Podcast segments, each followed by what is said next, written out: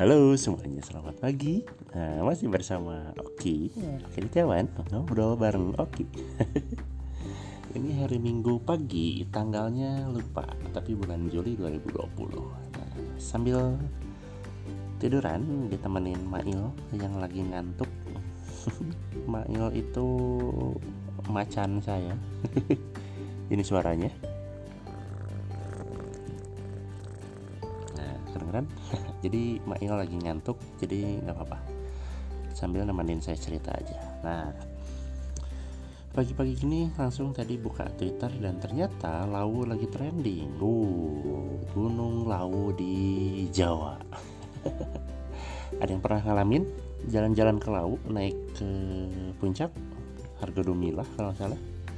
Dan di puncaknya itu ada Mbok Yem, warung tertinggi di Indonesia. Terkenal banget ini Mbok Yem.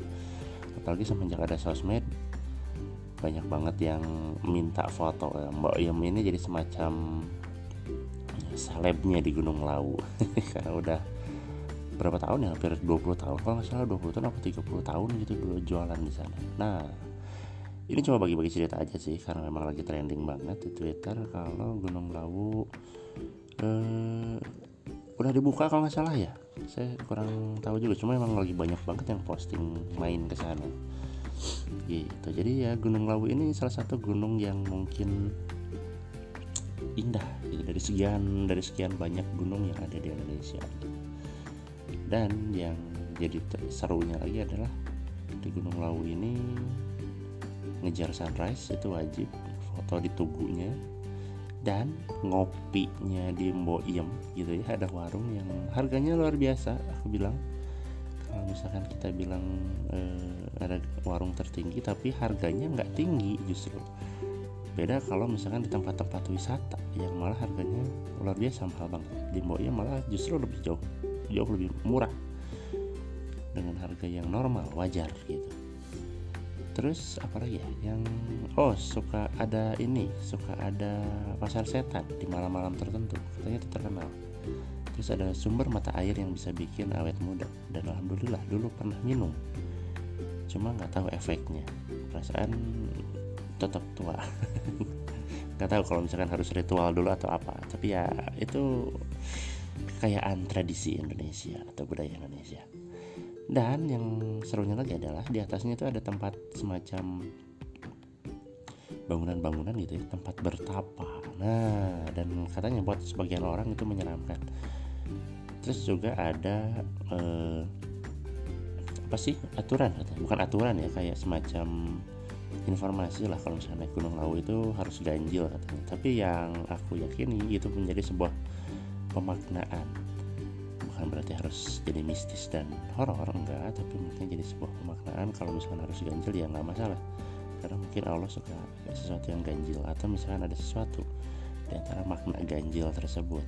Ada positif ada negatif ada netral.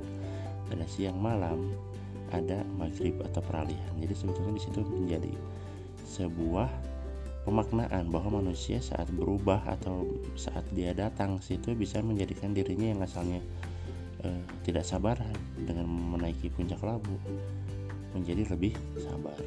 Jadi antara eh, emosi sabar ada proses di situ. Jadi eh, menjadikan bahwa manusia itu bisa berproses menjadi lebih baik. Mungkin itu. Jadi ya itulah.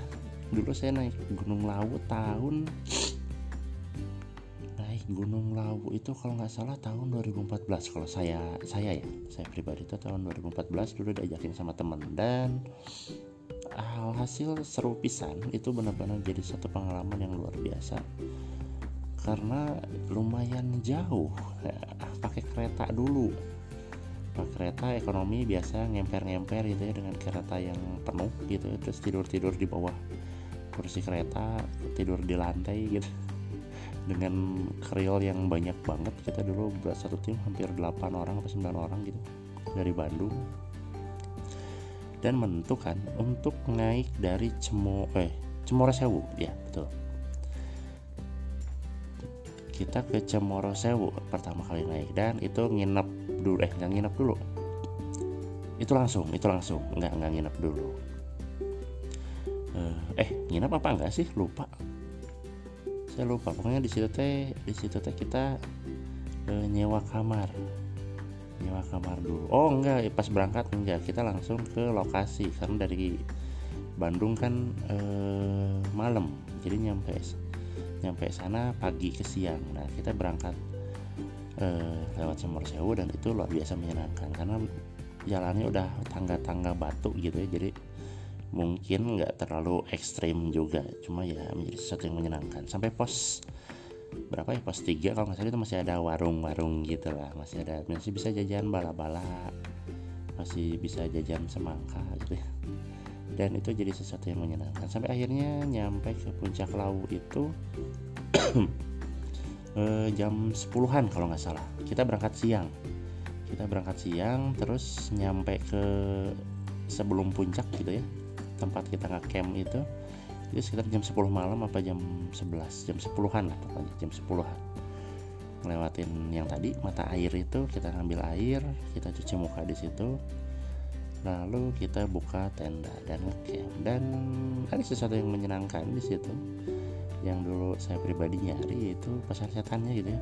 Tapi memang nggak ada meren karena emang lagi banyak banget orang jadi nggak ketahuan tuh nggak ketemu dengan pasar setannya tapi malah di tempat yang kita akan buka camp justru kita disambut. Nah jadi kalau misalkan ada makhluk-makhluknya gitu ya itu benar-benar disambut. Untuk saya pribadi yang mungkin senang sama hal-hal seperti itu dan mencari dengan apa hal-hal mistis gitu ya.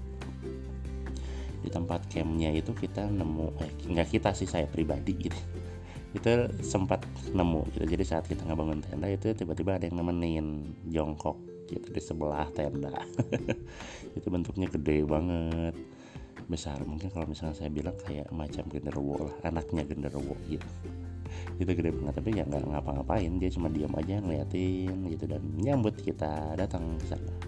Dan kita pun karena memang niatnya untuk tadabur alam gitu ya, mengingat kekuasaan Tuhan ya jadi ya normal-normal aja itu pengalaman serunya saat buka tenda di Gunung Lawu. Dan akhirnya kita masak makan makan ngobrol-ngobrol ketawa ke TV rokok bareng ngopi bareng ya akhirnya tidur.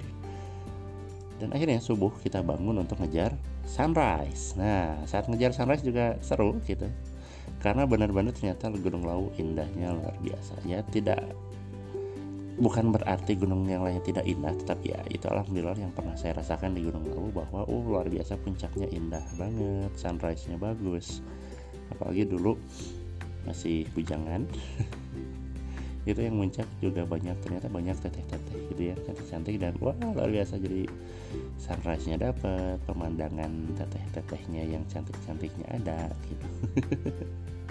Dan itu luar biasa alhamdulillah pernah ngalamin dan setelah dari sunrise itu kita turun lagi ke tempat camp akhirnya kita coba masak-masak dan ternyata setelah naik lagi sedikit ke atas dari tempat camp kita ternyata banyak banget kayak saung-saung atau bangunan-bangunan gitu. Ternyata yang kalau ditanyain itu tempat meditasi atau tempat bertapa tempat berdoa. Nah setelah ditanyain ngobrol dikit sama mbok jamnya ditanyain itu tempat apa akhirnya dapat jawaban bahwa ya banyak yang apa ya istilahnya dalam bahasa Jawa saya nggak tahu sih tapi dalam bahasa saya pribadi yang saya ketahui gitu jadi banyak banget orang yang mungkin datang situ hanya untuk e, berdoa ada yang untuk meditasi ada yang nyoba untuk mencari ilmu mencari e, ya banyak lah pokoknya tapi ya e, benar-benar seru banget seru banget gitu. Nah setelah beres akhirnya kita beres-beres pulang dan akhirnya turun lewat Cemoro Kandang lewat Sumur Kanang juga benar-benar sama indahnya sama jalurnya dan mungkin ya nggak terlalu sulit juga sih jalurnya. Dan itu luar biasa menyenangkan. Cuma hati-hati jalannya licin. Karena dulu saya berangkat ke sana tuh tanahnya lembab dan itu jadi sesuatu yang mungkin jadi seru lah tantangan tersendiri buat orang-orang yang senang naik gunung. Eh turun itu siang kalau nggak salah dan kita nyampe nyampe gerbang nyampe bawah nyampe pos itu sekitar jam 5 nah, jadi mungkin turun lebih cepat. Turun itu sekitar 5 jam kalau nggak 5 jam apa 6 jam lah kalau nggak salah waktu itu. Dan turun di pos itu sekitar jam 5an apa setengah 6 dan akhirnya kita memutuskan untuk nyewa rumah. Nah, nyewa penginapan bukan penginapan sih tapi rumah. Rumah warga.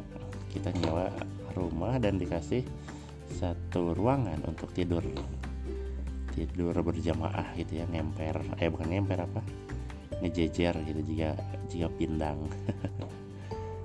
Dan akhirnya kita tidur istirahat dan pas saat bangun pagi itu luar biasa. Kita keluar rumah itu langsung kabut. Kabut pagi udara segar ngelihat langsung ke pegunungan dan perkebunan. Oh, luar biasa indah sekali. Gunung Lawu terima kasih sudah menjadi kenangan Gunung Lawu kapan-kapan saya pengen lagi naik gunung sana jadi itu sedikit cerita yang pernah saya alami di Gunung Lawu. Jadi terima kasih banyak kalau ada yang dengerin. Kalau ada terima kasih. Kalau enggak juga ya apa lah. Ini jadi sesuatu yang menyenangkan untuk dibagiin di cerita di podcast ini. Oh iya kalau berisik suara Mail lagi ngorok lagi bobo kucing saya. Hehe maafin. Terus kalau ada suara ngorok satu lagi di belakang itu istri saya masih bobo jadi ya terima kasih. Sampai ketemu di cerita-cerita yang lain. Bye bye hmm,